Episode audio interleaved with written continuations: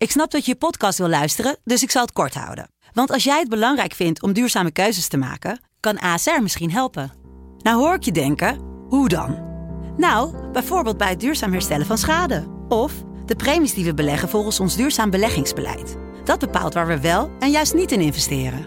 Wil je meer weten over welke duurzame keuzes ASR maakt? Ga dan naar asr.nl slash duurzame keuzes. ASR doet het.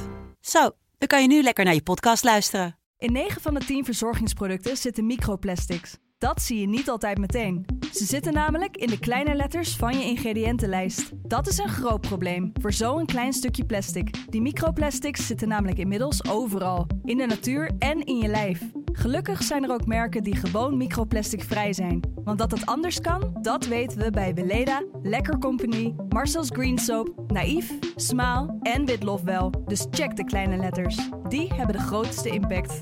Mark van Bommel was misschien wel het eerste echte zoontje van de trainer. En in de verlenging legt hij ons haarfijn uit hoe je dat eigenlijk doet, de dochter van je trainer veroveren. Al onze zoontjes in kleedkamer 1 zijn maandagochtend voorzien van weer een nieuwe verlenging. Wil je daar ook bij zijn? Lid worden kan via de link in de show notes. Voor nu, hier is ons gesprek met Mark van Bommel.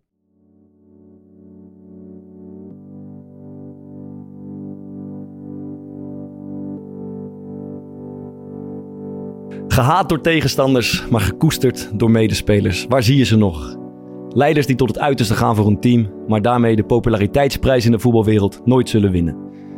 Sterker nog, als je door sommige tegenstanders wordt omschreven als een enorme klootzak en als een Duitse krant je uitroept tot de grootste stinkstiefel, dan heb je het bond gemaakt. Maar alles voor de winst, dat typeert de echte leider. En dit gaat natuurlijk over Mark van Bommel uit Maasbracht. We hebben nog vers in het geheugen tackles en bodychecks, gebaartjes en theater, schelden en zuigen, uitdagen en opzwepen. En die aanvoerdersband als vanzelfsprekend om zijn arm. Het is een uitstervend ras, dus we gaan nu het nog kan op zoek naar de fijne kneepjes van het leiderschap. Wat maakt iemand een leider en hoe drijf je je team tot het uiterste? Dat vandaag met Mark van Bommel. and it went like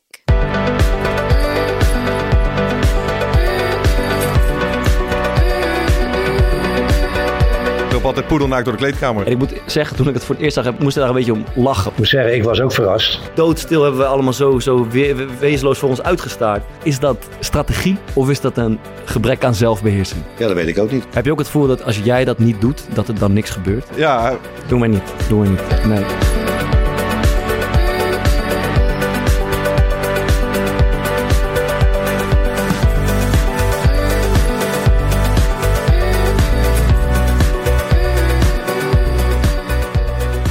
Zien.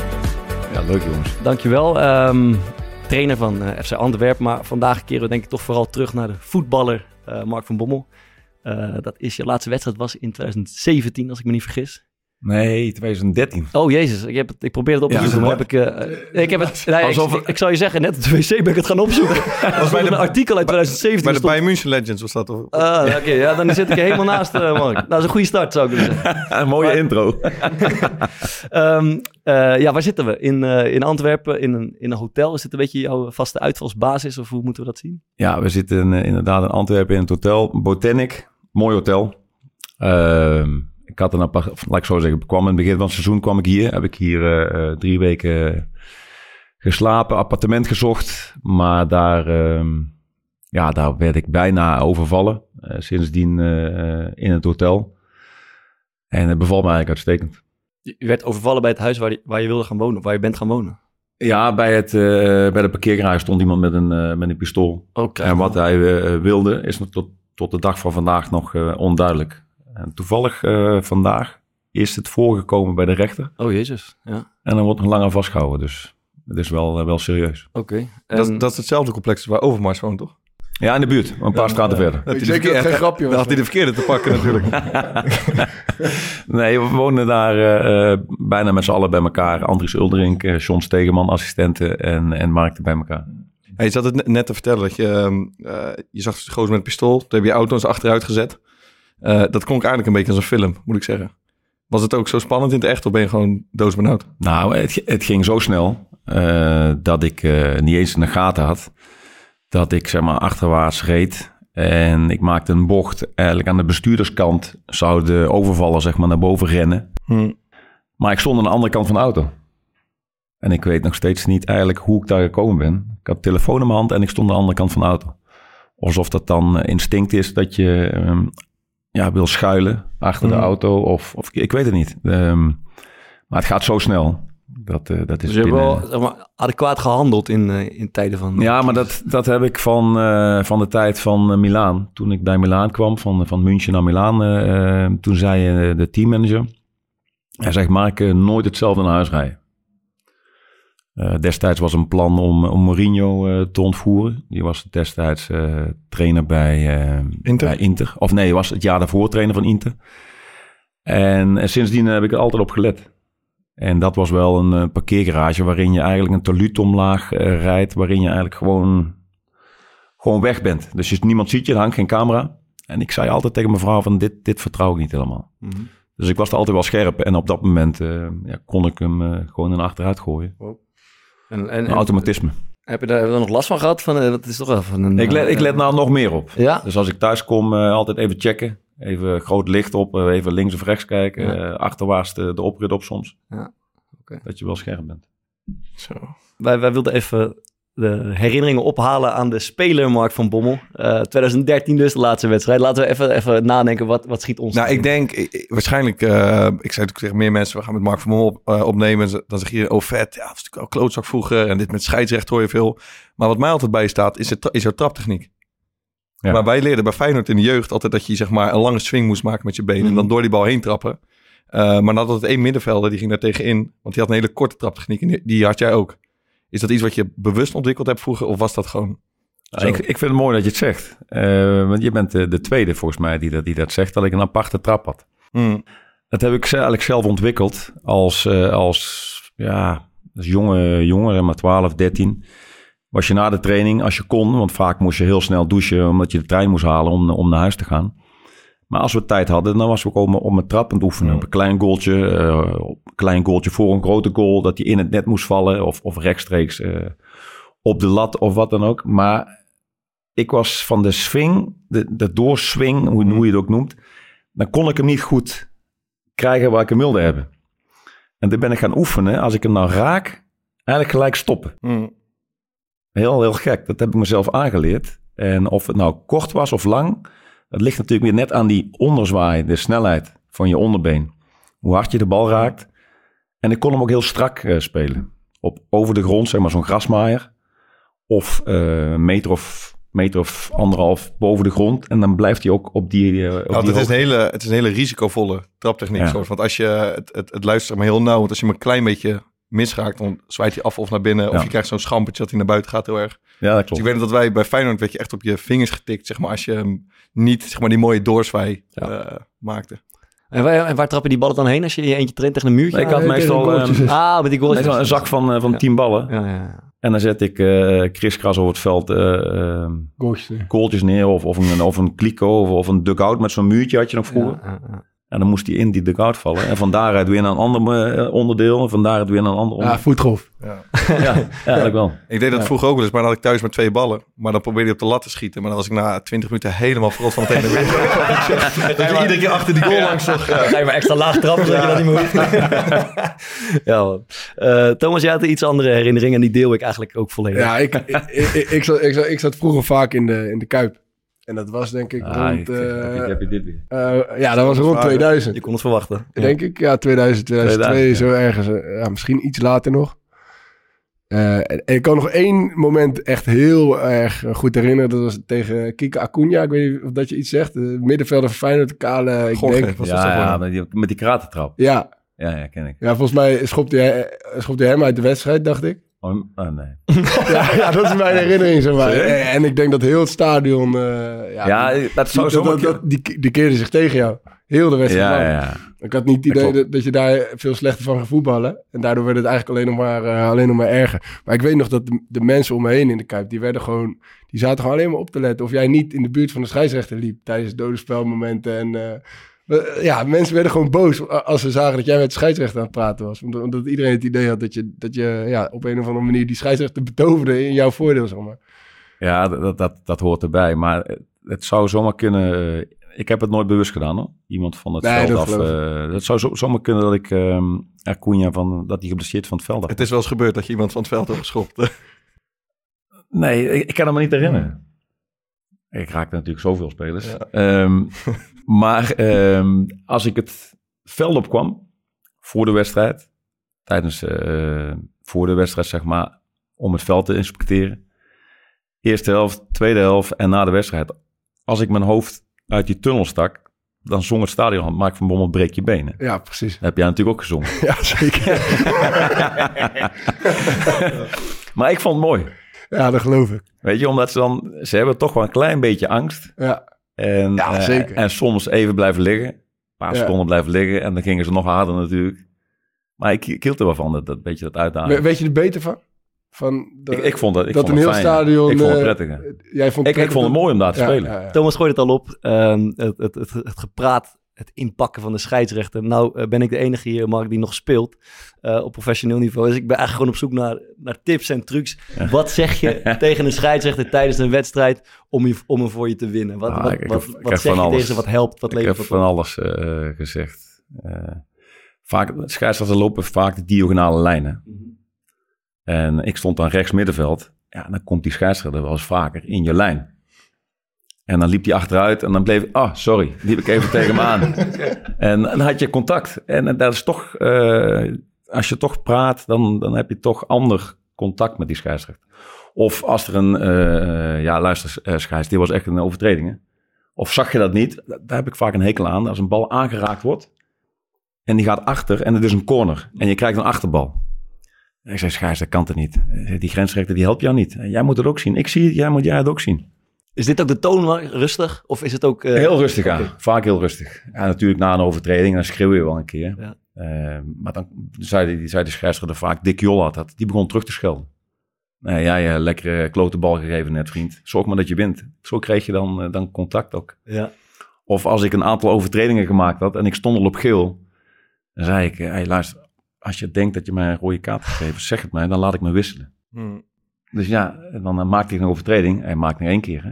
Ja, ja, en dan had ik... speling ineens. Ja. Die is wel lekker hoor. Ja, je hebt precies goed manipuleren. Ja, ja. Oh, okay. ja, natuurlijk. Alles, alles doen om te winnen. Dus dat is het. Uh, maak contact. Hè, loop ik er tegen ze aan, tik ze op de schouder. Ja, maar niet hard hè. Zo, ah. maar, maar, maar zo, dat valt toch wel, na vijf bodychecks begint dat wel te vallen. Ja. ja, dan moet je heel subtiel doen. Hè? Heel subtiel. Oké, okay, oké. Okay. Uh, dan uh, even kort, omdat het, omdat het altijd leuk is. Je hebt bij fenomenale clubs gespeeld. Natuurlijk uh, PSV, Barcelona, AC Milan, Bayern München. Wat altijd leuk is om te horen van al die topspelers. Van, van welke teamgenoten of tegenstanders mag ook. Was je, was je het meest onder de indruk?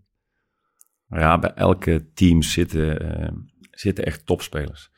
Maar ook hele opvallende topspelers of onopvallende topspelers die, uh, waarvan je eigenlijk niet denkt van hey, dat, die is echt goed. Maar die zijn ook echt goed en die vallen niet op. Zoals Roberto, ik weet niet of je hem kent. Ja, bij ja. Bayern, ja, dat was echt een, een topspeler. Sterk, uh, technisch vaardig, uh, kon ontzettend veel, veel lopen. Uh, linksbuiten bij Leverkusen volgens mij. Hij stond bij Bayern München naast me.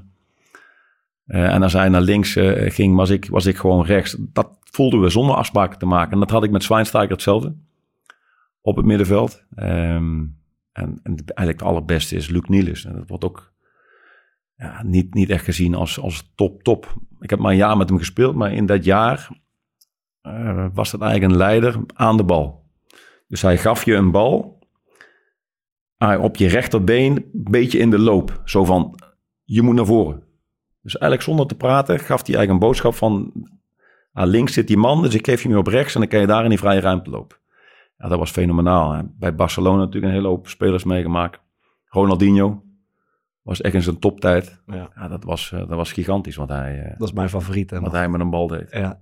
Heb je, ooit, heb je ooit iets gezien wat daarbij in de buurt kwam? Of is, is dat echt... Nee, nee dat was uh, qua, qua functionaliteit, voetbal, dat was... Nou, hij nam die met zijn rug uh, nam die een bal aan. Of, uh, maar was daar bijvoorbeeld met, met, met kleine partijen of zo iets tegen te doen als je tegen Ronaldinho stond? Nee, die heb ik geprobeerd te schoppen, maar dat lukte me niet. Uh, maar maar een leuke gozer ook in het team? Of ja, topgozer. Ja? Ja, ja. Uh, hij was altijd met de bal bezig en na de training, soms trainen we zeven uur s'avonds, was het heerlijk weer. Ja. En dan lagen we een beetje in het gras uh, na een training, een beetje te pielen, een beetje te lachen. En dan pakte hij een bal en die raakte gewoon vijf minuten de grond niet. Hoofd, tussen zijn tenen en zijn scheenbeen maakte hij een koprol, weer omhoog, legde hij hem zo op zijn borst. op zijn schouder. Gaf hij de bal een kus. Ja, dat was... Durfde jij dan te gaan hoog houden? Daarna? Bleef je dan rustig zitten? Ik hield met bal zo in de balletje in de lucht houden. Nee, maar dat was, dat was echt ongelooflijk. En, en, en toch, omdat het mijn eh, favoriete is, eh, zijn, dat was een fenomeen natuurlijk, maar zijn carrière is maar relatief snel weer eh, in de neerwaartse spiraal beland. Zou je daar een verklaring voor hebben? Was, was het ook misschien Ja, net niet bij- serieus Bij gedisciplineerd? Barcelona was hij top. hè. Ja, Is hij naar Milaan gegaan en daar is het eigenlijk... En ze zeggen, ik, ik weet het niet zeker, maar ze zeggen een beetje zijn levens, eh, levensstijl Ja. eh, een beetje laten verslappen. Ja. Ja, dan eh, als, je, als je in de top speelt...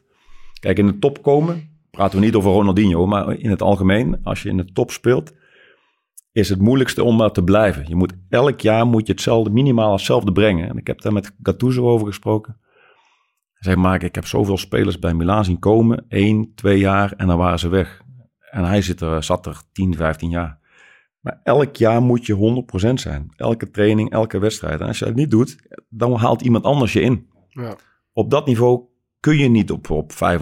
Dat gaat gewoon niet. En waar, waar ligt het dan aan? Ligt het dan vooral, zeg maar, dat je niet om kan gaan met dat je, dat je eromheen, zeg maar, in je levensstijl zoveel moet doen om ervoor te zorgen dat je daar blijft? Of, of zijn het andere, andere Nee, dingen? alles. Ja, eigenlijk wat je zegt, ja, je moet Ja. er soms nog meer voor laten. Ja. En dat, dat klinkt gek. Je moet er heel veel voor doen, maar ook heel veel voor laten. Je bent eigenlijk gewoon een, een soort kluizenaar ben je. Ik was nooit, eh, nooit in de stad. Ja. Verjaardagen liet ik, liet ik allemaal lopen. Misschien was ik wel te extreem. Ja. Maar ik, Maar dat kun je bijna niet zeggen toch, als je jouw carrière ziet. En hoe goed dat gegaan is, dat je dan te extreem bent geweest daarin. nee, misschien ben- daarom ben ik wel eh, op dat niveau eh, blijven voetballen een aantal jaar. maar geloof jij ook dat Ja. als je eh, zeg maar, wel af en toe naar die verjaardag was gegaan, of, of de stad in was gegaan, dat, dat je ook een mindere carrière had gehad?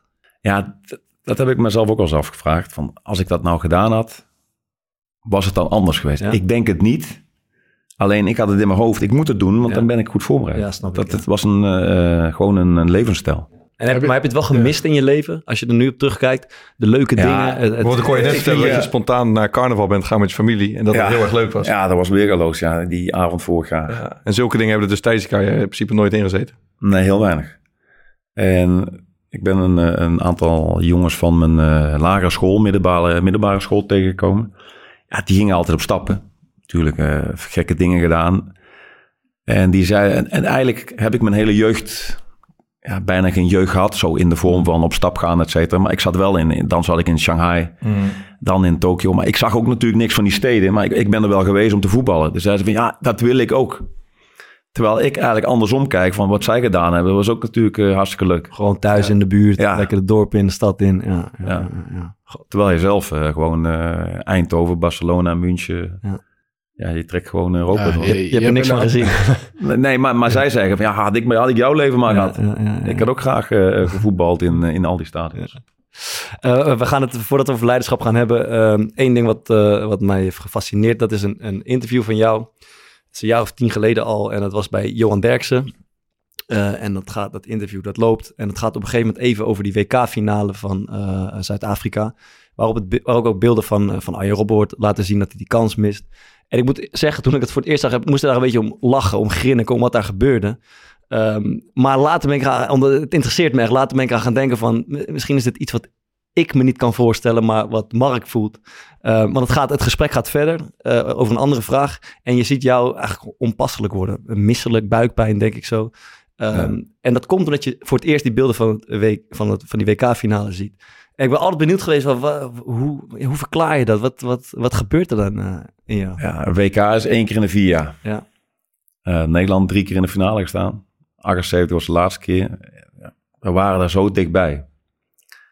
Ik weet niet hoe jullie die, die wedstrijd, eh, eh, dat toernooi beleefd hebben. Ik zat Ja, in Spanje. ja, ja. Oranje weet ik nog. Ja. Klomp op ons hoofd, ja. eh, op, op, Ja. op een plein in de stad ergens. Ja. En, en dat je zo'n land eh, als Nederland, klein land, zo gek krijgt om in die finale te komen. De weg daar naartoe. En je bent er zo dichtbij. Het is eigenlijk ongelooflijk dat Arjen op die goal afgaat. Dat was de eerste keer dat ik gezien heb. Ik heb het daarna nog een keer gezien, van achter de goal. Ja, het is onbegrijpelijk dat die bal er niet in gaat. Als, als Arjen eh, dat, eh, dat 100 keer doet, schiet hij er 95 binnen. Maar, maar specifiek dat moment, dat, ik- dat ziet er bijna uit als een trauma dan voor jou. Als ik dat, Ja, maar, dat- maar dit is het ook. Dat is, Dat is het eh, ook, als, je, als je zegt, wat is nou het, het slechtste moment uit je carrière, of het minste moment uit je carrière, dan, dan, dan schiet dat eh, te binnen. Ja. En het is bij de meeste jongens die daar op het veld stonden en op de bank zaten. En jij wordt dus gewoon, als je daar heel bewust aan denkt of ernaar kijkt, dan word je letterlijk fysiek ziek van. Ja, maar ik had, was dat 2000? 14? interview. Ja. Ja, 2000... eh, 14? ja, tien jaar Bart- je, zo goed in ja. Ja, je moet oppassen. Wij moeten oppassen. Ik durf 2017 zit hem ook zo van, Ik ik durf het zeggen, te ik weet het niet. Ik dacht 2012, maar dat eh, kan, ik kan er weer volledig naast. Nee, 2013 ben ik gestopt. Ja, nee, nee, nee. nee, Ik durf het niet meer, man. 2013, je hebt gelijk, je hebt gelijk, je hebt gelijk. 2013. Dat was, toen speelde ik nog, klopt. Ja. Maar dat is drie jaar later. Ja, ja, dat interview was, dus, was geloof ik twee jaar na het, eh Ja. na het WK. En ik, ik- ja, ik vond het gewoon, is dat... eh, dus wat je daar ziet is gewoon de pijn van het verliezen van die wedstrijd. Ja, En je zegt dat al die spelers die daar op het veld stonden dat gevoel ook zo hebben. ja ik, ik weet zeker dat eh, de helft van de jongens heeft die wedstrijd niet teruggekeken. Ja. Nee, dat heeft ook geen, geen zin natuurlijk.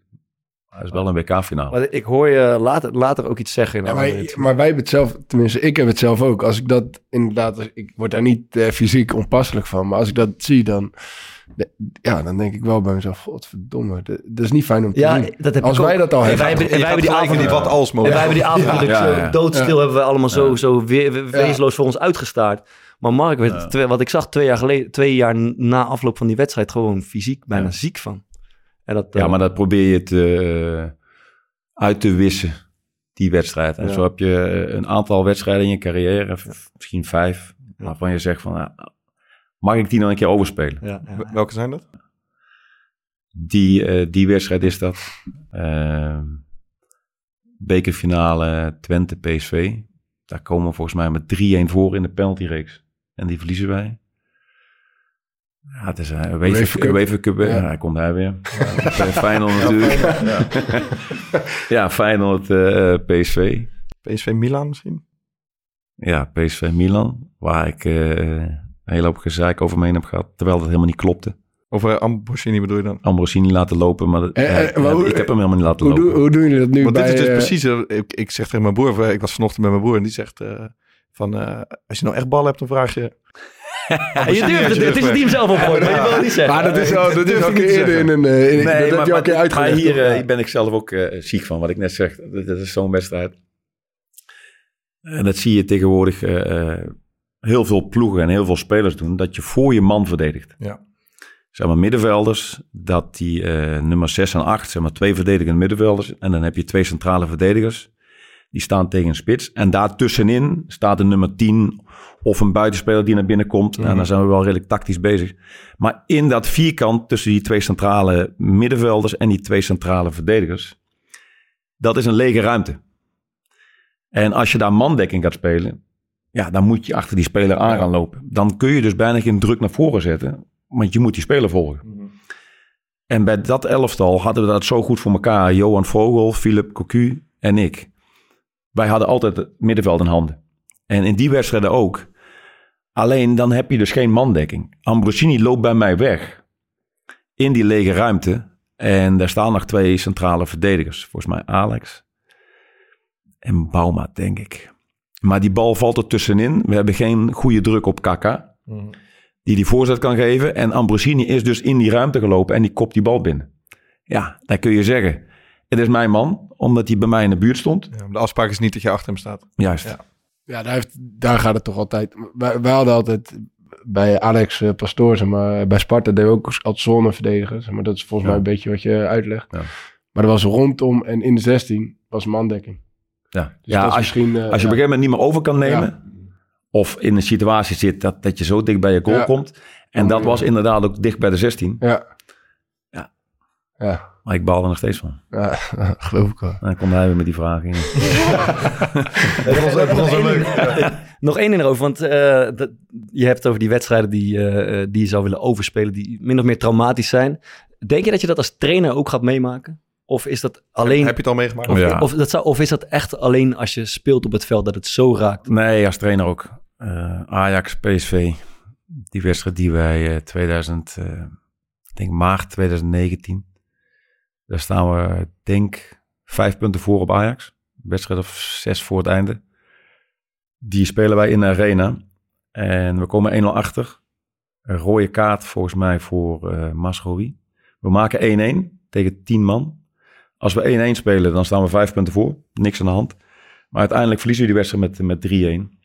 eh, tegen 10 spelers. Ja, dat was het breekpunt Had je meer last van spanning als speler of als, eh, als trainer? als trainer. Ja. Alhoewel ik als speler ook al zenuwachtig was. Ja. Ja. En hoe, ging je daar, hoe, hoe regelde je dat? Ik moest wel een keer of acht plassen of zo. Ja, Ik ook, ja. Ook het gaat zo ook even pispauze. Ja, halverwege graag weer. Maar hij zei, zelfs als hij niet speelt, eh, heeft hij dat. Nee, maar, maar dat- ik denk dat jullie het ook heel hebben. Ja, ja. Dat, dat jullie ook rituelen hebben. Ja, je drinkt ook veel water natuurlijk voor de Ja, we, Ja. vijf tot acht liter bij, Ja. bij Milaan allemaal. Op moest gewoon. Dan- moest je Vijf tot acht liter. Dan moet ik denk ik oprecht 40. Ja, ja, ja, je was constant een vijf plas. tot acht liter op, eh, in de, in de Op wedstrijddag, ja. Jezus. Maar dan plaste je na iedere halve liter moest je drie keer naar het toilet. Ja. Maar de hele dag dronk je dan door. Hè? Ja. Van s'morgens, ja, ik doe het eh, ook, maar ik kom niet op de, kom niet op de acht liter. Ja, we dronken wel heel veel. Ja, En waarom was het zoveel? Had ze daar ja ook, ze eh, hadden een keer gezegd dat het goed was. Iedereen deed dat bij ons. Slik ook allemaal. maar, maar jullie hebben denk ik ook wel rituelen voor Ja, een ik, zit, wedstrijd, ik, zit, ik zit, we hebben het een keer besproken. Ik zit Ja. borden vol met rituelen. Ja. En Zij zat hem eh, schaapachtig aan te kijken. Je Jawel, niks ik heb het gewoon. Ik Ja, loop ja, altijd poedelnaakt door de Je staat kleedkamer. hier bloot in de kleedkamer. Ja, Ja, maar als je om moet kleden, sta je naakt Nee, maar ik heb wat ik... En dat kon zij niet begrijpen. Maar ik weet niet of jij dat ook hebt. Maar ik doe een warming-up in een totaal ander pak, zeg maar, dan... Ja, ja, ja. Dus duikpak. Nee. nou, dat lijkt het wel op met zo'n lange legging en lange... Maar, maar dat doe ik dat, dan ben ik heel erg aan het zweten. Dus dat doe ik dan daarna uit. Maar ja, dan moet ik even gewoon Ja, ja. uitzweten. Dus dan loop je daar gewoon een beetje te Ja, zwiepen en dan te doen. kwamen wij binnen. Van, Ja, ja, kwamen met de en zuipen. Ja, even een beetje de spanning van, de, van het zaakje halen, toch? En, en rituelen, wat, wat waren nog meer eh, rituelen voor de wedstrijd? Nou, we, hadden, we hadden een, een ritueel bij het Nederlands elftal. Eh, Wesley eh, was dan de, degene die de muziek aanzette. Dan kwamen we in de kleedkamer en dan riep er altijd eentje... eh Wes of eh, Boyke, zet die muziek aan. En dan zette hij die muziek aan. Altijd hetzelfde. Altijd dezelfde liedjes. Wel- Welke waren? Tot aan, het, eh, tot aan de WK-finale. Van de kwalificatie, zeg maar twee, tweeënhalf jaar. Elke keer dezelfde playlist. Volgens mij Kleine Jongen zat erbij van de Hazes. Volgens mij Stromae zat erbij. Altijd hetzelfde. Ja, als je die nummers nu hoort, dan, eh, Ja. dan zit je weer... eh, zit Maar daar, kom ik straks wel, eh, wel op terug. En eh, flesje in de hoek. Flesje in de hoek? Ja, dat hebben we even gehoord. Dat je, dat je je flesje Oh, altijd in de oh, ja. Altijd- Ja, altijd nee, een nee, A- als- trainer, als trainer zijnde. Ja. Ja, altijd een A- Altijd een A is toch? Zeg je Nee, als trainer. Ik betrapte mezelf. Ik, ik betrapte mezelf op. Dat ik hem elke keer zo neerzet en met het logo naar het veld. Ja. Maar als speler zijn heb je zoveel dingen. We stonden bij het elftal vaak met dezelfde basis. En dan was het eh, aanvoerder. ehm, Gio, Stekelenburg, Heitinga. Dan kwam ik. Ehm, achter mij stond Matthijs volgens mij. Snijder. Robbe. Maar we- we stonden bij een wedstrijd stonden we verkeerd. En toen zei eh, Wes, stop, stop. Jij moet daar, jij moet daar. Maar zonder dat we tegen elkaar gezegd hadden. Ja. Dus dat is, eh, eh, wow, dat is interessant. Dat is een groepsritueel wat niet Ja. is afgesproken. Ja. Dus iedereen voelde zich zo comfortabel op zijn eigen plek. Ja, we stonden dus altijd zo. En we hadden dus niet tegen elkaar gezegd van jij moet daar staan. Maar het is zo gegroeid. Dat we heel vaak met hetzelfde elftal speelden. En toen stonden we een keer niet zo. En toen uh, Wesley zei, hey, jongens, jij daar, jij daar. En dat was ook iedereen opgevallen. Dat En toen wist iedereen van elkaar dat we het allemaal wisten. Ja. En wie was de boos toen dan? Wie ging er ineens verkeerd Nee, staan? nee, nee, we bleven het doen. We bleven het doen. Oké.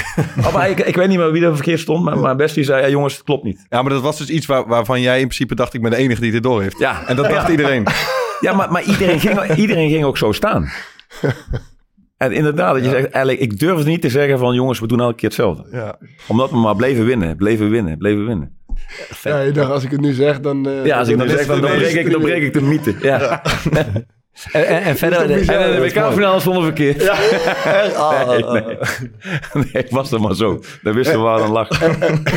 En wat was de rol van de, van de trainer hierin? Eh, had hij had hij een rol omdat... wa- Was het echt iets van de spelers of, of, of had de staf daar... Ja, maar, maar in de tunnel sta je eigenlijk alleen met, eh, Ja, nee, natuurlijk, maar met muziek en weet ik het wat. Ja, maar iedereen wist het ook, hè? Ja, Iedereen wist dat die nummers kwamen.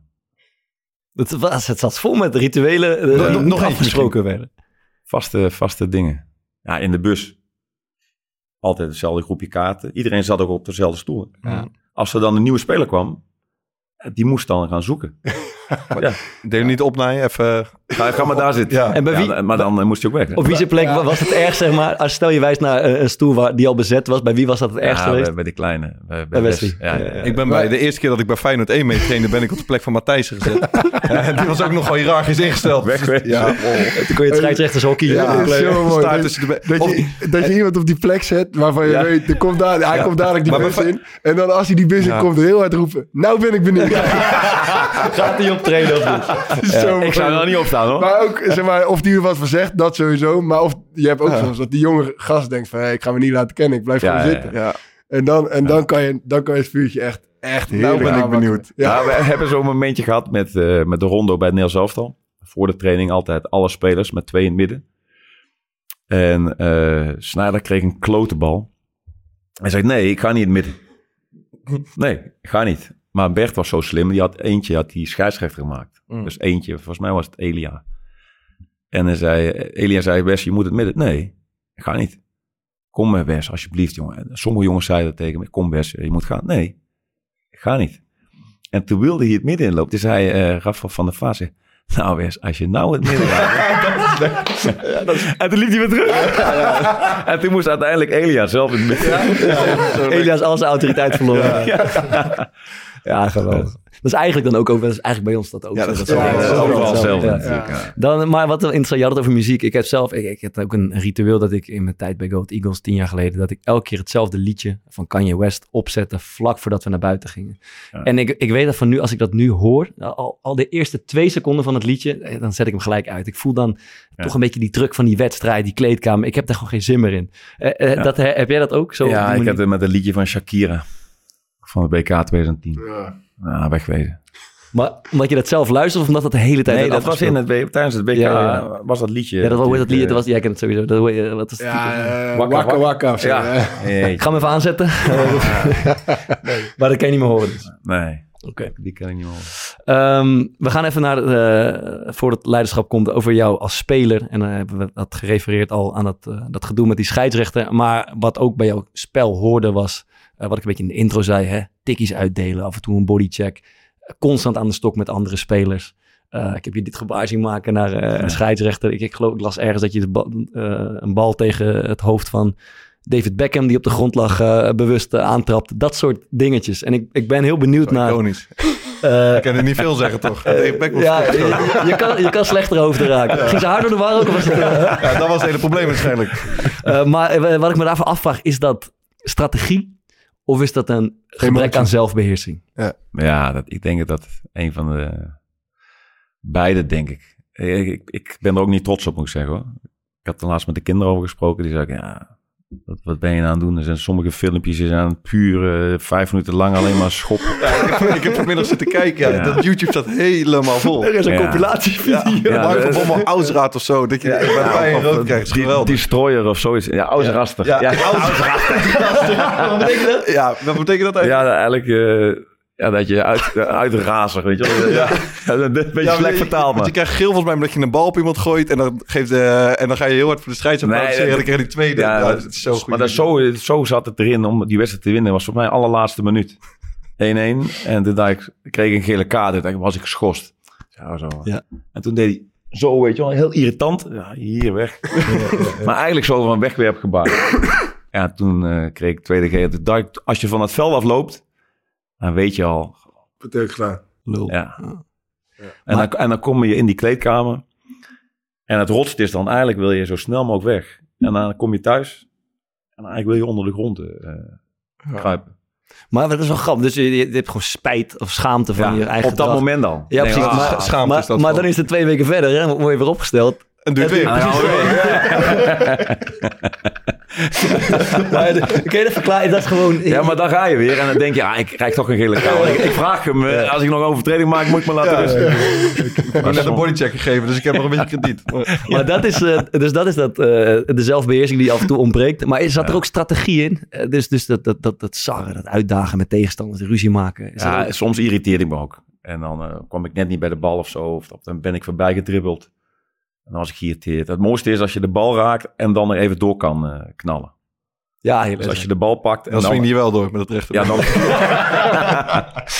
nee, maar dat zijn, eh, dat zijn de mooiste tackles ook. Wa- wa- Wat ik me altijd afvroeg is, eh, ik had dat, je, hebt, als je een mandekking speelt op het middenveld, dan is eigenlijk je doel dat jou, de speler die je dekt niet de bal krijgt. Ja. Eh, ik had soms het idee dat je bewust zeg maar, op een bepaalde afstand ging staan om te lokken, zodat, zodat je net dichtbij genoeg was om, om in duel te komen, zeg maar.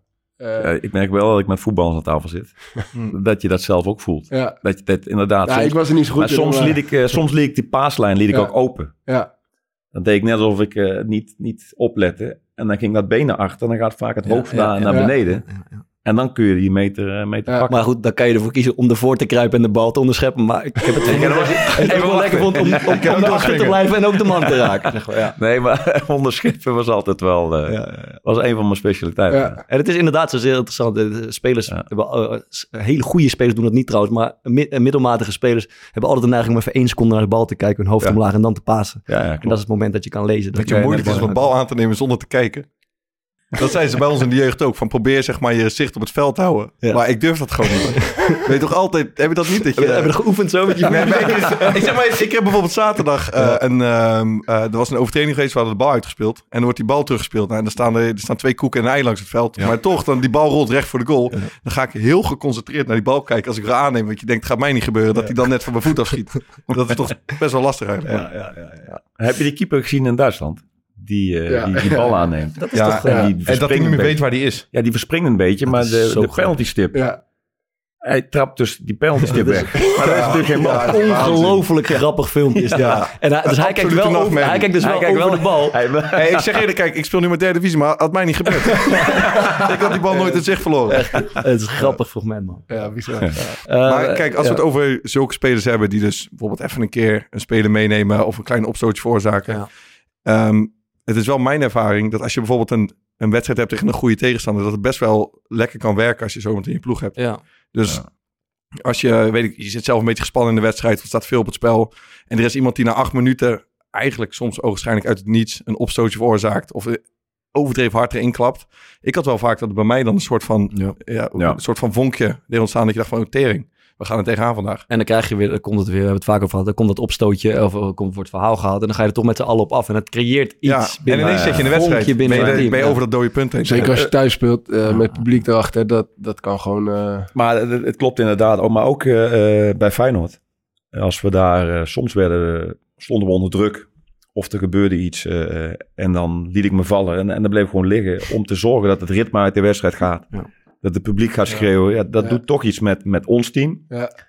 En met de tegenstander. Die hele jongens even, even eruit. Ehm, ja, eh, een leider in het veld. Ehm, of een leider in een groep eigenlijk. Laten we beginnen met de vraag, waar- waarom is het eigenlijk nodig dat een groep, dat er iemand in een groep is, of meerdere mensen in een groep is, die leiding nemen? Je bent nu ook trainer, misschien kan je vanuit dat perspectief eh, dat ook bekijken.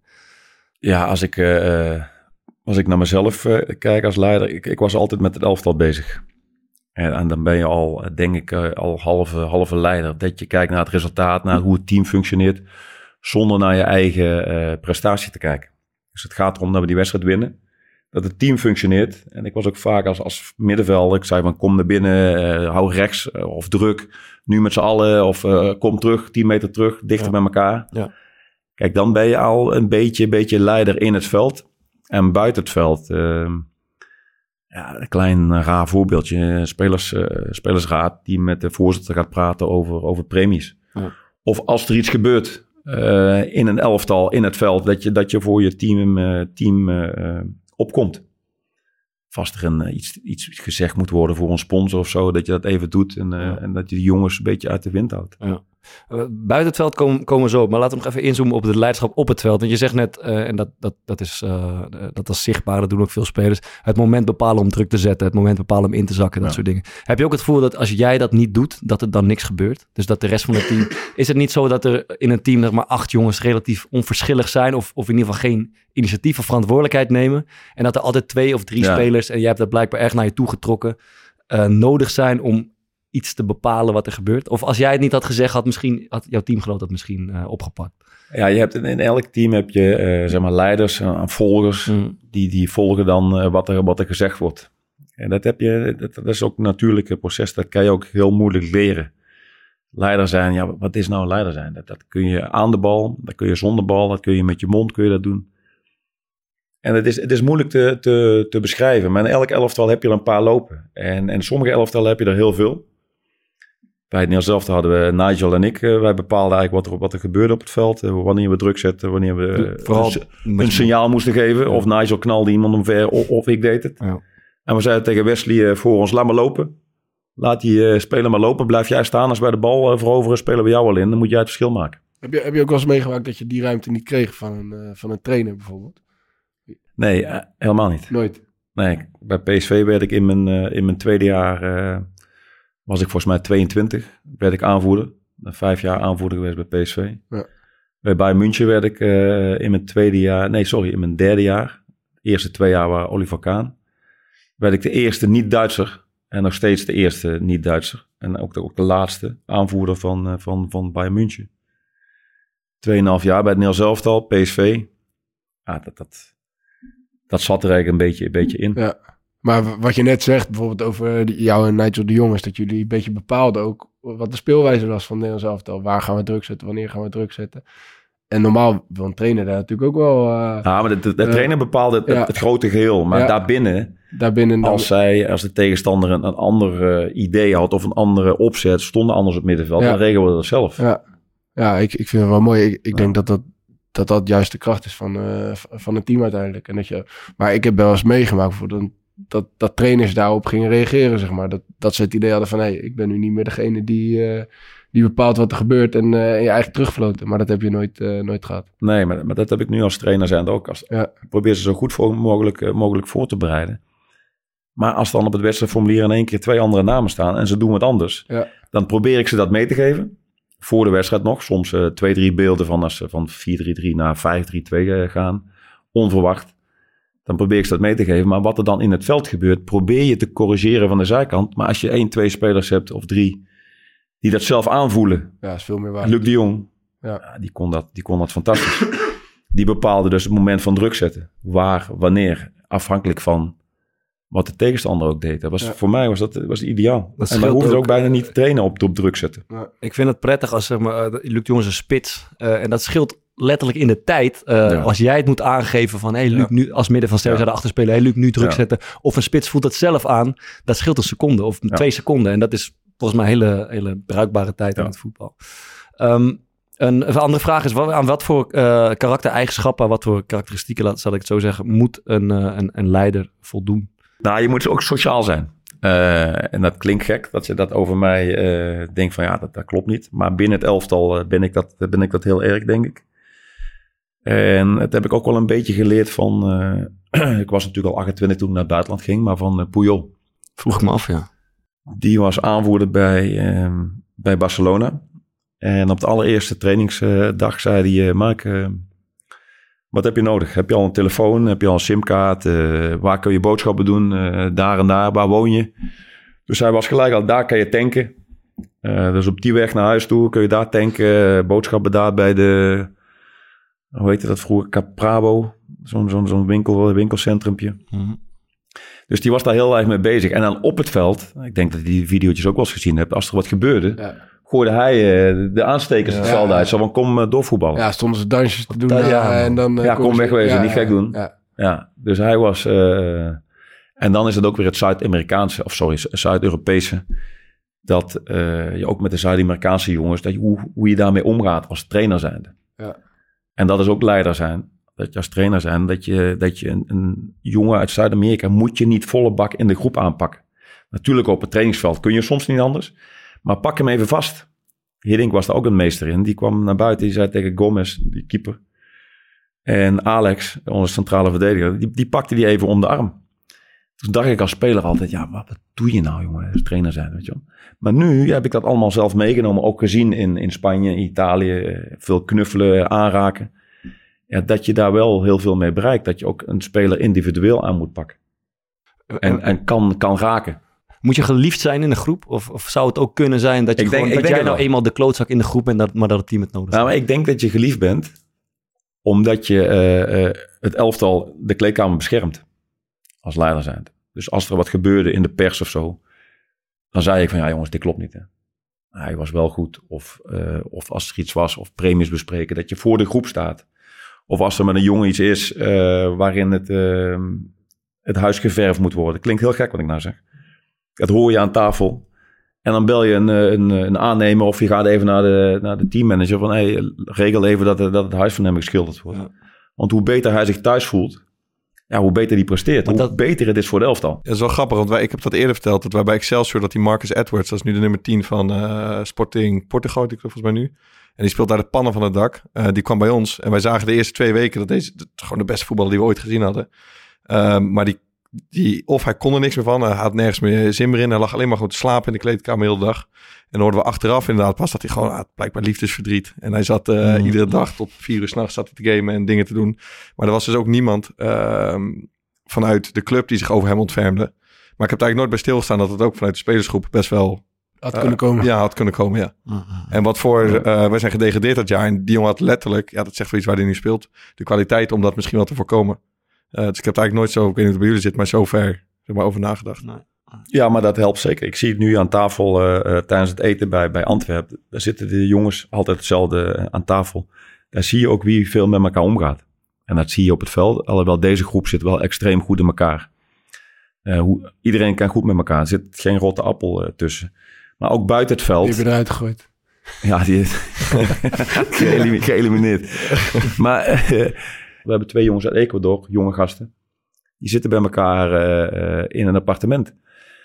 En ik, ik was een beetje aan het kijken hoe ik die jonge jongen eh, kon raken, zeg maar. 18 jaar. Die kon zo goed voetballen, kan nog steeds goed voetballen, is geblesseerd. En, en, en het lukte niet. En soms was hij heel eh ja, triest, noem je dat zeg maar in het Spaans. Heel verdrietig, zo liep hij rond. En, en de volgende dag lachte hij weer. Ik denk, ja, wat is er aan de hand, weet je wel? Ik denk, ga gewoon een keer lukraak naar, naar hun thuis. Dus na een training, vier uur. Gewoon aangebeld. Ik ben gewoon naar naartoe gereden. Staat aangebeld. voor de deur. Niemand deed open. Ja, jongen, heb ik weer. Weet je, ik moest een kilometer of 15 rijden. Selfie wel even gemaakt, selfie gemaakt voor de deur van een Wat, wat jij nou... Ja. Heb je gedaan? En, en naar hun gestuurd. Ja. ik zeg, hey, jongen, we zijn, niet, zijn niet thuis. En daarna een foto, gordijn open. Lagen ze te slapen, maar die telefoon ging af. Ja. Dus ik naar binnen en eh, met die jongens gezeten, een beetje, een beetje praten, een beetje Spaans. En eh, toen zei hij, wat wil je drinken? Ja, maar water of zo. Ik ging die ijskast open. Alleen maar, hoe noem hoe noem je dat, die fused tea? Ja, ja, ja. Alleen maar suiker. Ik zeg, wat zijn we aan het doen, jongens? Je, je, ba- je, je, je- het verbaast jou dat er geen A is ah, alleen maar voor je. zonder- Nee, die hadden er moeten staan. Nee, maar, maar nu heb je eh, die jongen. Ja, nu heb ik een fantastisch contact met hem. Mm. Dat, dat zijn kleine dingen. En Ja. ik zeg, en eh, wat ben je aan het drinken? Ja, aqua, aqua mister. Eh, hij drinkt alleen maar water. Nee. Maar en, en had je dat als, want dit is, dit is jouw trainersrol, had je dat als speler ook gedaan of kunnen doen? Zulke, zulke eh, capriolen zou ik willen zeggen. Wat, wat bedoel je? Als, Ja, ja, je ziet, je merkt, je bent, je bent speler in een team of aanvoerder van een team. En je merkt dat een van die jongens, eh eh, weet je, sad is of niet, niet lekker inzet. Ja. Nam je als speler dan ook het initiatief om, om even thuis op te zoeken of mee wat te, te gaan Ja, eten, je, je, wat te merkt dat, drinken? je merkt dat als, als speler zijn. Dat, dat merken jullie ook in de, in de kleedkamer. Dat, dat er iets is. En dat probeer je dan wel eh, op, op, te- op te anticiperen. Dan ga je naast hem zitten. En soms krijg je dat er ook niet uit. Hè? Ja. Dan is het gewoon, eh, er is iets gebeurd of is iets geblokt. Ja. Ja, dan zeg je tegen anderen, tegen André Ooyer bij PSV of, of tegen Wilfred Bouma, die was iets rustiger. Zeg, ga jij eens bij hem langs. Dus we kregen het er wel uit, maar dan moest je even meerdere stationnetjes Dus hadden eh, echt een soort team eigenlijk. Waarmee je, eh, als er met iemand anders iets was. Ja, ze Ja, hadden zeg maar, de, de ervaren eh, Nederlanders, eh, Nederlandse spelers, Bouma, Ooyer, Philip Cocu. We hadden, eh ikzelf was erbij, eh, Gerald Sibon zat op de bank. Maar Gerald was wel, Als die dronken toen jullie kampioen werden. ja, godverdikke. niet alleen dronken volgens mij.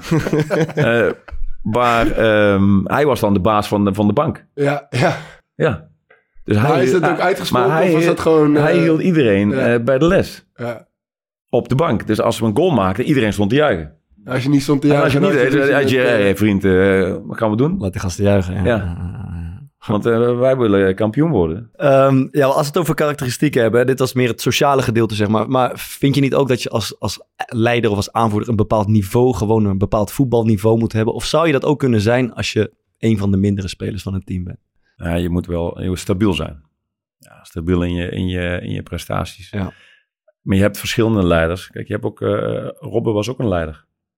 Alleen op een andere manier. Hij besliste wedstrijden. Dus wij speelden in dienst van hem. Ja. Ribéry, Robben.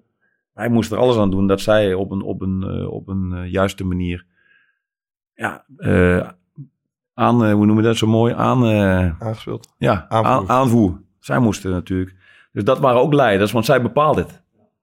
En je hebt leiders die praten. En je hebt ook soms leiders die helemaal niks zeggen. Maar als, als ik naar mezelf keek, ehm, ja, moest ik wel constant spelen. Dat deed ik ook hoor. Want anders had je het gevoel dat je niet... echt, werd- eh, Had je anders het gevoel dat je niet werd geaccepteerd? Of... Nee, nee, nee, helemaal niet. Maar je moet dan eh, eh, het voorbeeld zijn. Dat gevoel had ik zelf. Dat als ik, eh, als ik goed speel, kan ik, word ik ook sneller geaccepteerd als ik dingen zeg. Tuurlijk, ja. Maar klopt ook volledig. Want ik heb bijvoorbeeld bij Excelsior gehad dat ik, dat ik niet meer de beste was die, eh, die kon zijn, zeg maar.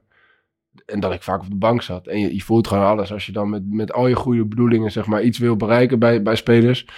Ja, d- er wordt gewoon heel anders naar je Ja, gekeken als je op de bank zit. Of, of als, je op, eh, als, je, als je iedere wedstrijd speelt. Dat is gewoon, eh, dat is gewoon zo, denk ik.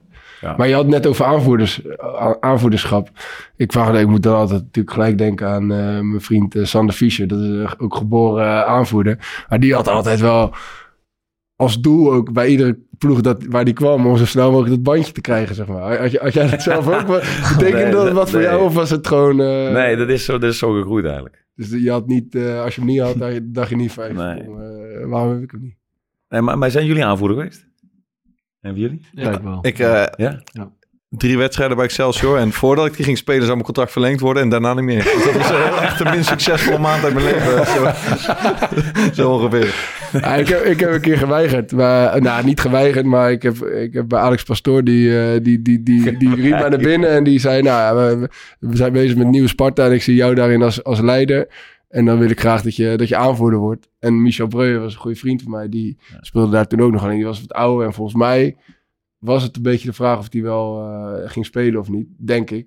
Want anders zou hij mij nooit aanvoerder maken. Want Michel was de leider. Toen heb ik gezegd... Nou ja, ik wil wel... eh, ik vind de eer dus, en ik wil aanvoerder worden. Maar ik zei, als Michel speelt, vind ik, dat is de leider van ons team. Dus die, eh, die hoort gewoon die band te dragen. Toen zei Michel, ja, je denkt toch niet dat als ik nooit speel, dat ik op de bank zit. Als ik er dan in kom, dat ik dan het bandje verder... Dus dat was wel, dat was wel mooi. Maar uiteindelijk speelde Michel gewoon. Dus was, hij, eh, was ik reserve, reserve aanvoerder.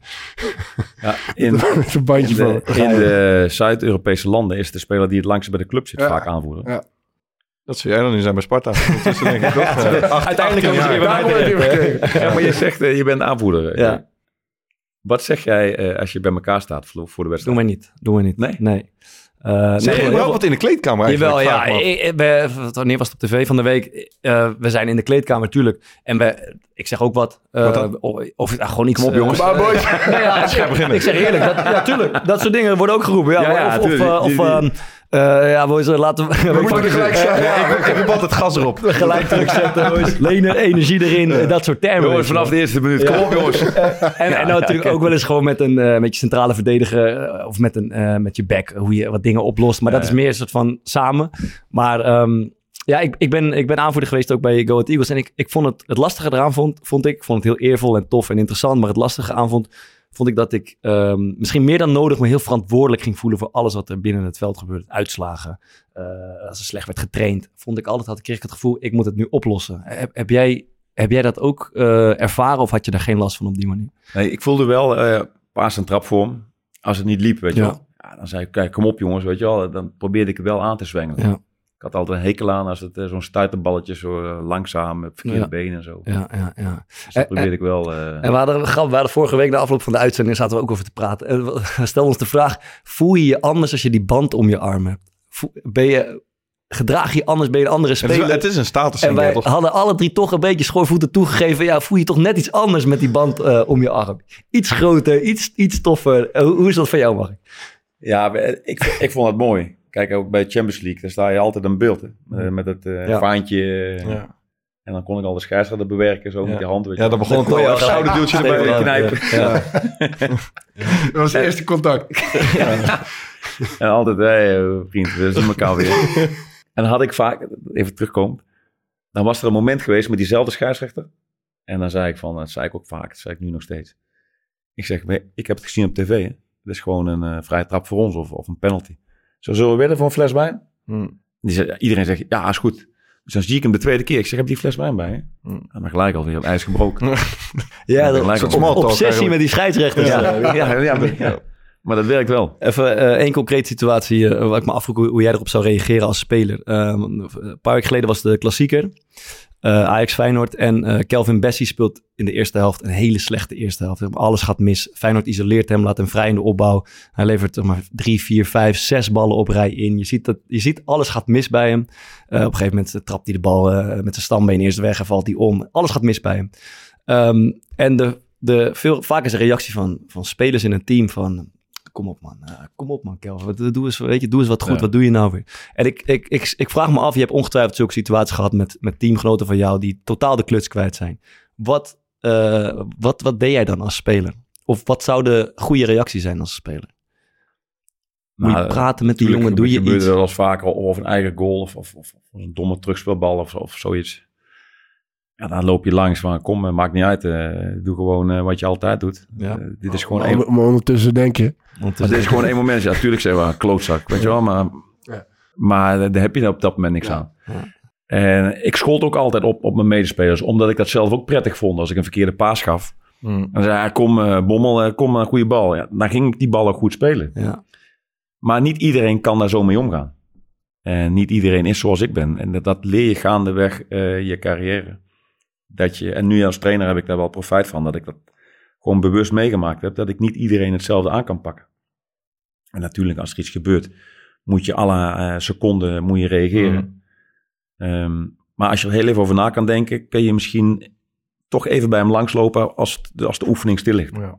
Gewoon, hé vriend, ik, ik heb het wel gezien. Hè. Maar let op, eh, als je zo eh, niet geconcentreerd bent, ja, dan sta je zo 1-0 achter. Hmm. Of, of iets dergelijks. Dan moet je dat anders oplossen. Ja, ja. Wat, ik heel, wat ik heel tof vond om te zien in die wedstrijd namelijk is... eh, eh, die Bessie, dat wordt, het gaat van kwaad tot erg. Het wordt erger en erger. En op een gegeven moment zie ik die Alvarez die op het middenveld stond. Ik zie, Bessie, ik zie hem Bessie naar de zijlijn sturen. En hij gaat zelf op vier spelen om de eerste bal te ontvangen. Om gewoon om, om even uit de brand te helpen, zeg maar. Om de opbouw via hem te laten spelen tot het rust is. En dan kan hij misschien weer bijkomen. En ik had het idee dat dat een eh, bewuste strategie was van Alvarez... om die, om die Bessie even te ont- ontzien of ontlasten of zo. Dat vond ik, eh, vond ik wel een tof moment. Ja, want, wa- kijk, we hadden het net over eh, le- leiderschap. Je kan het trouwens ook anders interpreteren, man, bedenk me nu. Wat dan? Dat als jij soort van, jij, bent, jij, jij moet opbouwen, maar je doet zo slecht, flikker maar op. Laat wij maar doen. Ja, Ik snap het hoor. Ben ben naar de zijkant, Maar snap je wat ik zeg? zou willen dat ze mij zeggen. Ja. Ja, Eh, nee, ja, zo, ja, zo, heb ik het niet, zo heb ik het niet gezien. Ik vond het een... eh, ik vond dat je part ineens op rechtsback ziet lopen bij een achterbal zaterdag. opgelucht. Nee, maar wat... wat, wat Nou, kijk, we, we hadden het net over dat je een bepaalde kwaliteit moet hebben zeg maar, om de leiding te kunnen nemen. Ehm, dus dat je stabiel moet zijn, constant moet zijn. Maar je moet, vind ik ook, constant zijn in je leiderschap. Ja. Dus je hebt ook gasten die, als het goed gaat, dan willen ze, eh, hoe zeg je dat, de kaart trekken en iedereen een zetje in de rug geven. Ja. Maar op het moment dat het moeilijk wordt of je staat achter, dat ze ineens zeg maar, een, ander gezicht krijgen. Of hebben ze een ander masker op, dan wordt het heel negatief en dan wordt het uitschelden en is het niet meer constructief. Ehm, en dan, hoe zeg je dat, dan val je in mijn ogen ook snel door de mand. Dus dan ben je, je raakt een soort van je geloofwaardigheid kwijt. Als je het alleen doet, op het moment Ja. dat het lekker gaat, dan Ja. kan iedereen het. Ja, klopt. Het is het moeilijkste. Dat is, echt, dat is inderdaad zo. Als het lekker loopt, is het het allermakkelijkste Ja. om, om de leider uit te hangen. Toch Dus, zo dus simpel dat, is dat is waar zeg maar, ik zelf bezig kijk van hoe reageert iemand eh, op het moment dat het niet lekker loopt. Ja. Ga je dan heel anders doen? Ben je Ja. dan iemand die stoïcijns blijft, die eh, op zoek gaat naar dingen hoe we het beter kunnen doen? Ja. Of ben je er eentje die een soort van eh, zo zegt van weet je wat, eh, dit is zo tering slecht. Ja, en ik ga het precies ik ga het afschuiven, want het ligt niet aan mij. Ja. En jij maakt een fout. Hey, kom op man, als, als jij zo speelt kunnen wij niet winnen. Of, Of- als, als boys zo blijven doen. En wat ook interessant is, doe je het alleen op het moment dat je zelf goed speelt? ja. Of ben je er ook toe in staat als je, op het moment dat je zelf niet goed in de wedstrijd Ja. zit? Was dat iets waar jij bijvoorbeeld moeite mee had? Als je zelf slecht in de wedstrijd zat, kon je dan nog hetzelfde aan leiderschap brengen? Of was je ook dan met jezelf bezig? Nee, nee, dan deed ik wel, wel hetzelfde. Maar wat, wat je net zegt, dat klopt wel. Hè? Maar dan, dan voer je ook een show op. Hè? ja, precies. Ja. Dat, eh, dat, dat prik je zo doorheen. Mhm. Als voetballer zijn, dan heb je dat zo snel in de gaten. Dat als een speler eh, in één keer anders gaat doen dan wat hij Ja. normaal doet. Ja, dat is, eh, dan zeg je, oh ja, doe eens even normaal, vriend. Mhm. Dat, eh, Eh, zeg maar, heb je in, in, in teams heb je, ja, we hadden het net even over rotte appels. Je hebt er, je hebt er eentje geëlimineerd bij, eh, bij Antwerpen. Maar je hebt ook in teams gespeeld waarbij er wel degelijk spelers waren die het teamproces een beetje aan het ondermijnen waren, weet je wel. Ehm, eh, hoe ging je daarmee om? Kon je daar, moest je daar iets mee? Of eh, sprak je met, met gasten die, die een Ja, beetje buiten de boot te vallen? Schiet me niet zo 1, 2, 3 een, een voorbeeld eh, te binnen. Ehm, wel spelers die niet 100% trainen. Die heb je in, in elk elftal. En met name bij... eh, in Nederland kunnen we ons niet voorstellen. Nee. Niet 100% trainen. Dat, dat, dat, dat kan niet. Omdat het onze manier van, van denken is. Maar als je in het buitenland komt... eh, ik heb dan in Spanje, Italië en, en Duitsland gespeeld. Daar waren eh, spelers, ik zal een voorbeeldje geven. Thiago Silva bij AC Milan. En Slatan Ibrahimovic. Wij speelden op zaterdag en zij kwamen vrijdag niet buiten. Zij trainden niet. Zij zeiden voor de training tegen, die, eh, tegen Allegri... Ja, trainer, ik, ik voel me niet zo eh, lekker. eh, mijn hamstrings, ik laat mijn hamstrings... Blijf binnen. Maar, maar dat zeiden ze elke week weer. Nee, nee, nee. nee. Eén, keer in de zoveel tijd. Of, Ja. of, of, of één keer in een seizoen. Als ze zich echt Mm. niet goed voelden. Maar wij, kunnen, wij kunnen ons niet voorstellen als Nederlanders zijn. Want Nederlands zeggen altijd, als je je laatste training niet mee kan doen... Kan je niet spelen, ja. Ja. En daar is het gewoon... Als we morgen maar winnen. Ja. Dat is het aller, allerbelangrijkste. Maar was bijvoorbeeld was, was Slaat er iemand die vaak op bijvoorbeeld 80% trainen? Ja. Nou, En- 80, eh, Ko- 40. maar kon, je- kon, je, kon je daarbij, dat lijkt me niet de makkelijkste persoon om iets tegen te zeggen. Nee, maar, maar iedereen accepteert het. Ja, als hij dan bij je zat in kleine partijtjes, dan weet je Ja, dat je verliest. Toch? Ja. En dan gaat, op een gegeven moment krijgt het gewoon een kink in de kabel. En dan maakt het niet uit of, of het Maradona zelf is. Nee, maar, maar, maar je moet niks tegen hem zeggen. Hmm. Gewoon accepteren, laten lopen. Heb je nooit iets tegen hem gezegd bij kleine partijen? Als hij, eh, Kan me, Ah, niks- kan me niks meer voorstellen. nee. man. Als hij zijn man liet lopen keertje, maar eh, stond, ik heel ver, 5-5. stond ik heel ver weg. heel, heel zachtjes zo. is, het, is dat eigenlijk het meeste wat je in het buitenland hebt geleerd? Is dat het gewoon alleen maar om winnen gaat? En Ja. dat het niet, is, dat, is dat echt een verschil met hoe Nederlanders met voetbal omgaan? Alleen maar. En ik, eh, leuk, ik had natuurlijk in Italië, ging het alleen maar om winnen. 1-0 of 5-0, dat maakte niet uit. Iedereen was even blij. Met een lelijke 1-0 of met een hele mooie 5-0. Iedereen was even blij. En dat merkte je ook in de staf. Die materiaalmannen waren dolle, door het dolle heen als wij wonnen. En, en de fysiotherapeuten. Als je verloor. Nee, als wij wonnen, was, iedereen was blij. De hele club was blij, echt. En als wij verloren, was de hele club verdrietig. Tot de wasvrouw eh, aan toe. Dus je werd ook, en bij Bayern München was het ook, je werd eigenlijk opgevoed met winnen, winnen, winnen, DNA. Alleen maar, eh, alleen maar eh, winnen. En daar ging het om. Ik wilde nou iets vertellen. Wat was je vraag? Eh, wat was dat iets wat je vooral in het buitenland hebt geleerd? Ja, over winnen. Dat, Oh, en- ja, en het verschil met dat wil Nederland. ik vertellen. Dus als je in Italië wint, staan ze op de banken. Ook al speel je lelijk, het hele stadion gaat tevreden naar huis. Ik moest voor mijn cursus, eh, volgens mij was het eh, PSV onder 17, ADO Den Haag onder 17, moest ik oefenen. Voor mijn cursus moest ik dus de bespreking maken, de wedstrijd leiden, coachen. Dat mocht ik dan van Jurgen Dirks, nu mijn assistent. Die was eh, eh, hoofdtrainer van onder 17. Ik liep stage bij hem. En 1-0 of 0-0 met rust. Dramatisch gespeeld. Echt heel slecht. Probeerde dat een beetje te veranderen. De tweede helft was nog slechter. Maar we scoren twee keer uit een standaard situatie. Ze winnen die eerste met 2-0. Maar het was zo slecht, echt. Ik de kant, ik zeg tegen Jurgen. Is echt zo'n slechte wedstrijd, heb ik nog nooit gezien. Zul je altijd hebben. En, ehm, dus ik moest ook dus het woordje doen na de wedstrijd. Ja. En eh, in de kleedkamer, ik zeg jongens, top hè. En gewonnen, goed gespeeld jongen, echt goed, weet je wel. Maar omdat we gewonnen hadden, Ja. praat je alles goed. En Jurgen, die keek mij aan. Ja, wat moet ik maandag tegen die gasten zeggen? Wat lul je nou? Ja. En ik kom dus in de bestuurskamer. En er zat daar Art Langeler. Hoofd destijds. Die zat zo. eh, Maar dat was helemaal niks, hè. Hij zei, Art, in Italië staan ze op de bank, hè. Ja. En iedereen keek me aan zo van, ja, je bent op het leiden hier. Je bent er niet goed bij. Slechte wedstrijd. Ik zei, maar ja, we hebben toch gewonnen. dus dat, eigenlijk dat winnen, daar draait het uiteindelijk om. Eh, tot slot, Mark, over, eh, toch even over je trainerschap. Wat was weer eigenlijk het, het, lastigste aan de, de overgang van, van speler naar trainer? Welk deel van het trainerschap eh, is, het, is het moeilijkst om uit te voeren? In het begin had ik, had ik moeite om, om een bespreking te houden. Een wedstrijdbespreking. Want ik wilde eigenlijk alles tot in detail uitleggen. En, en dat, dat kan gewoon niet. Je moet, je moet de grote lijnen meegeven. weten wat, wat wij moeten doen. Weten wat de tegenstander doet. En, daar, ehm, en dan moet je ze op een gegeven moment ook loslaten. Moet je slim zijn. Ja. Ah, ja. ja. Moet je slim zijn. Ja. Ik zeg altijd, je moet slim zijn. Ja. in alles. Ja. Maar dan is het ook in- echt in alles, hè? Als je een goal maakt Ja. en je maakt de 1-0, waar, waar ga jij juichen? Als je een goal maakt, waar ga jij juichen? Wa- waar? Ja, je, maakt, een, je maakt een goal. Waar, waar, waar ren je naartoe? Ik, ik heb daar denk ik nog nooit bewust Je over hebt er daar nooit over nagedacht. Nee. Waar ga jij naartoe, hè, Bart? Als je scoort, ik, ik, wist ook niet, ik wist ook niet wat ik deed. Hè? Ja, ik dacht, hey, ik, ik doe maar wat. Ik ga wel Ik de ook. hoek in. Ik denk dat is, dat is wat je bedoelt. Denk, maar dat is, dat is toevallig dat ik de hoek in ga. Maar jij, jij vindt dat je Ja, de ik hoek in moet jouw gaan. goals en ik heb het idee dat jij die keer naar de sport van de tegenstander ging. nee. Nee. Ja, dat, dat is wat ik eruit opmaakte. nee, nee, nee. Kijk, als je eh, staat 0-0. 70ste minuut of 80ste minuut.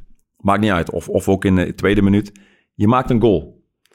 Dan zie je ploegen die als een dolle naar de bank rennen. En die gaan vieren. Ja. Maar de bank is op 10 meter van de middenlijn. Ja. Dus je staat binnen, binnen 30 seconden sta je weer klaar om af te trappen. Maar ga bij die cornervlag staan. En zorg dat iedereen daar is. Heel langzaam en blijf staan. Blijf zo lang mogelijk staan. PSV heeft 400 minuten aan juichen. ja. en, Dat in die paar De, seizoenen. de langste juichen van Nederland hè, weer. Dus jullie hebben eindeloos in dat hoekje staan juichen met elkaar. Nee, maar, maar serieus. En je blijft gewoon staan tot de scheids op een gegeven moment aangeeft van... Nou moet je Ja. Ja, dat is wel mooi geweest. Ik moet zeggen, ik doe, ik doe dat ook wel eens, moet ik zeggen. Niet Maar- zo bewust, maar dat we boys even rustig gaan. Niet te Ja, snel terug. Ja, Maar maar, dan- maar, Maar jij, geen bescherming goed doen. jij wil een momentje voor jezelf Maar, terug je, voor die foto. ja, maar je moet er eens op gaan letten. Ja. eh, hoeveel tijd je daarmee kan Ja. winnen. En dan loop je terug en zorg dan eerst dat je verdediging eh, terugloopt. En die moeten gaan staan. Ja.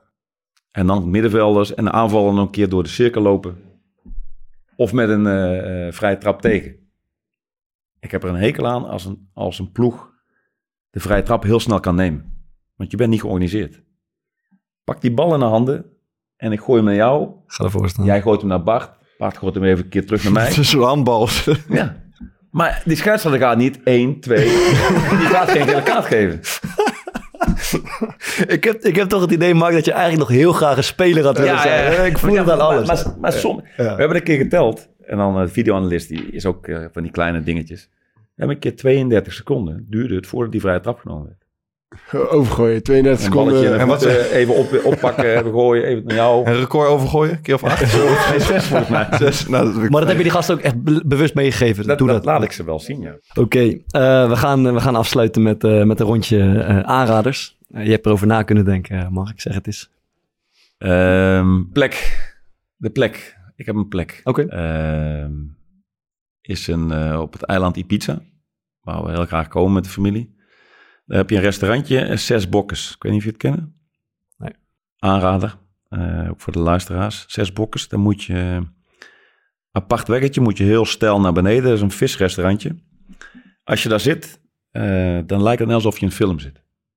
Mooi in zo'n baadje, eh, hoge klif. Mooi water. En daar werkt een, eh, iemand in de bediening, een familie. En die werkt als eh, videoanalist bij eh, UD Ibiza. Droomclipje hoor, droomclipje. Ja. Dus ja, ze gaan niet goed trouwens.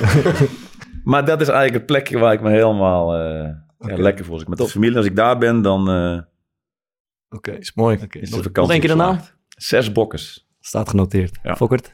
Ja, ik heb een mooi eh, artikel zo, mijn stem ging niet, hoor je? Toch even op valreep nog balen, zeg je. Even een slokje. Te, te Ah, weinig Isolem, even eentje. Nee, ik heb, je het gelijk een stuk beter. Het is echt, eh, het is echt, dat is mijn aanrader. Nee, ehm, ik heb een mooi artikel, eh, artikel gelezen op eh, The Guardian. Dat heet Top 15 Knockouts. Ehm, en het is een fotoreportage van 50 foto's die eh, de sport hebben veranderd. Ehm, en Welke sport? allerlei sporten. Dus het gaat bijvoorbeeld, je hebt één echt krankzinnige foto, kan ik het voorbeeld geven, dat er in Portugal gaat er iemand op een golf van volgens mij, wat is die, 35 meter of zo, als het niet hoger is. Eh, en er staat er gewoon een klein verhaaltje bij uitgelegd. Je hebt één waanzinnige foto op de Paralympics, dat eh, iemand zonder benen zeg maar, in het water is gedoken. En dat je dan achter zijn, het, ja, het schavotje waar hij van afspringt, staat er nog zijn rolstoel met zijn benen erin, protheses. En zo weer 50 van de hele mooie foto's. Het is gewoon heerlijk om even doorheen te scrollen en eh, die stukjes te lezen. Je leest, Mooi. gewoon, je leest gewoon The Guardian tegenwoordig? Uh, The Guardian. The Guardian. Ja. Lekker wel. Sterk. Eh, Thomas? Ja, ik dacht, ik dacht voordat jij het kan doen, eh, raad ik ook al alvast even snel de, de fundatie en eh, de librei aan. Ja, dat, ga ik, dat was niet mijn, mijn plan, maar dat is wel een goede. Ja, Want jullie zaten allebei in Zwolle Nee, ja, ik dacht Bart gaat dat, die is daar geweest afgelopen weekend, dus ik dacht die gaat hij aanraden. Nee, eh, ik, ik, ik dacht dat ik hem al een keer had aangeraden, dus, ik, ik- dus toen ben ik even goed over na gaan denken en toen kwam ik tot het besef dat ik dat nog niet had gedaan. Maar ik wil de podcast van eh, Alex Pastoor eh, Mm. aanraden. Met open vizier. Nou, die hebben we natuurlijk geluisterd. eh, een beetje ter voorbereiding op, op ons gesprek met jou. Maar ik, ik, ik, ben- ik ben naar, naar- ook naar Zwolle gereden dit weekend om, om, om mijn kinderen te droppen bij mijn schoonouders.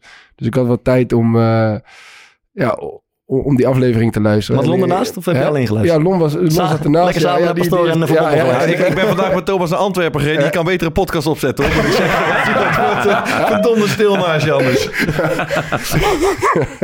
ja, ik viel weer bijna in slaap en Fok, Fok het laten rijden vandaag. Ja, ja, bijna. Eh, maar nee, eh, de, de aflevering met, met, met, met Mark zijn leuk. En eh, eh, ik heb die met Jozef Oosting geluisterd. Dus het wordt nu een soort eh, podcast Inception. Want die raden onze podcast weer aan. Jij dan weer terug. Ja, en, en Mark zit daar en hier. Dus het wordt, eh, Ja, wordt heel ingewikkeld allemaal. En die met Arne Slot zou ik ook zeker aanraden. Dat was echt, Anne, Anne is leuk, ja. ja, dat was echt, Goed. eh, was Ja, echt ja. tof. eh, er waren twee toffe afleveringen om te luisteren. Heb ik, heb ik nog wat van opgestoken ook. Dus, eh, Ja, ja. Mooi. Eh, ja, ik heb er ook een. Er zijn een hele hoop eh, voetbalpodcasts. En ik heb er hier en daar wel wat geluisterd. Maar een van de allereerste is gelijk ook de allerbeste wat mij betreft. Dat is de eh, Peter Crouch podcast. Eh, want er zijn eigenlijk geen leukere voetballers. Sorry broers, je zit sip te kijken. Er zijn eigenlijk geen leukere en originelere voetballers dan eh, Peter Crouch. En hij is recent weer aan een nieuw seizoen begonnen. Eh, en ja, hij is, hij is grappig. En hij... Het is een beetje dezelfde opzet als ons. Ze hebben het elke week over een, over een bepaald thema. Maar ja, zijn verhalen gaan over eh, Garrett Bale en David Beckham en Roy Keane. En, en die van ons die gaan over... Sander Fies. Sander en, en, en Roy Kortsmit. Dus eigenlijk zijn alle voetbalpodcasts een beetje eh, schatplichtig aan, eh, aan Peter Crouch wat mij betreft. Want eh, dat is een, eh, een fenomeen. Ehm, en we sluiten af met een liedje. En die is, eh, die is ook voor jou. Terugkomend op eh, eh, Shakira, 2010. Eh, maar het heeft met 2010 te maken, WK. Wij verloren natuurlijk de WK-finale. En ehm we kwamen terug, vliegen van eh, Johannesburg. En toen vertelden ze ons, ja, jullie hebben een, een huldiging. Ja, huldiging. We zijn, eh, we zijn tweede geworden op het WK. We hebben niks gewonnen. Ja, maar er staan heel veel mensen te kijken. Ja, heel veel mensen. Dus we kwamen terug. We hebben s s'avonds nog een feest gehad in, in Huis in Noordwijk. En dag later moesten we naar de koningin. Op eh, audiëntie. En, eh, en we komen daar. En iedereen was een beetje bezopen. Moe, helemaal geen zin in. En kregen bitterballen samen met eh, koningin Beatrix. En, Bitterballen met Beatrix. Dat is een prima Ja. titel hoor. BB. en, ehm, en toen kwam werd iedereen weer een beetje wakker. En toen vlogen we een helikopter over het museumplein. En toen zagen we daar mensenmassa staan. Zijn we op zo'n eh, boot, zo'n rondvaartboot. Nou, dat was het mooiste wat ik, eh, wat ik, eh, wat ik mee heb gemaakt. In mijn, mijn carrière, denk ik. Ook om dat verlies te, ehm, ja, te herstellen helpen verwerken van, van het verliezen van de WK-finale. En dan kwam op Museumplein en de avond van tevoren had Armin van Buren ook bij ons opgetreden. En had hij dat liedje One van Swedish House Mafia. Ja, en dat liedje, als ik dat hoor, dan eh, gaat hij harder. Dat herinnert mij dan eigenlijk aan het WK, maar dan de positieve kant. Tof. In plaats van eh, Shakira. Dus Shakira gaan we nooit meer luisteren. Maar Ben, ben je Shakira nog wel eens tegengekomen Ja, vroeger in Barcelona? Nee, nee, nee. Nee, nooit. Ontweken. Gelukkig niet. Oké. Nee. Eh, dankjewel, eh, Mark. Hartstikke Ja, leuk. Eh, we gaan eruit met eh eh Swedish House Mafia, toch? Ja. Ja. Eh, en eh, bedankt voor het luisteren. Tot volgende week. KB. You just kill me, could you at least do that? I wanna know your name. A better yet, stay in there, just do that. I wanna know your name. You just kill me, could you at least do that? I wanna know your name. A better yet, stay in there, just do that.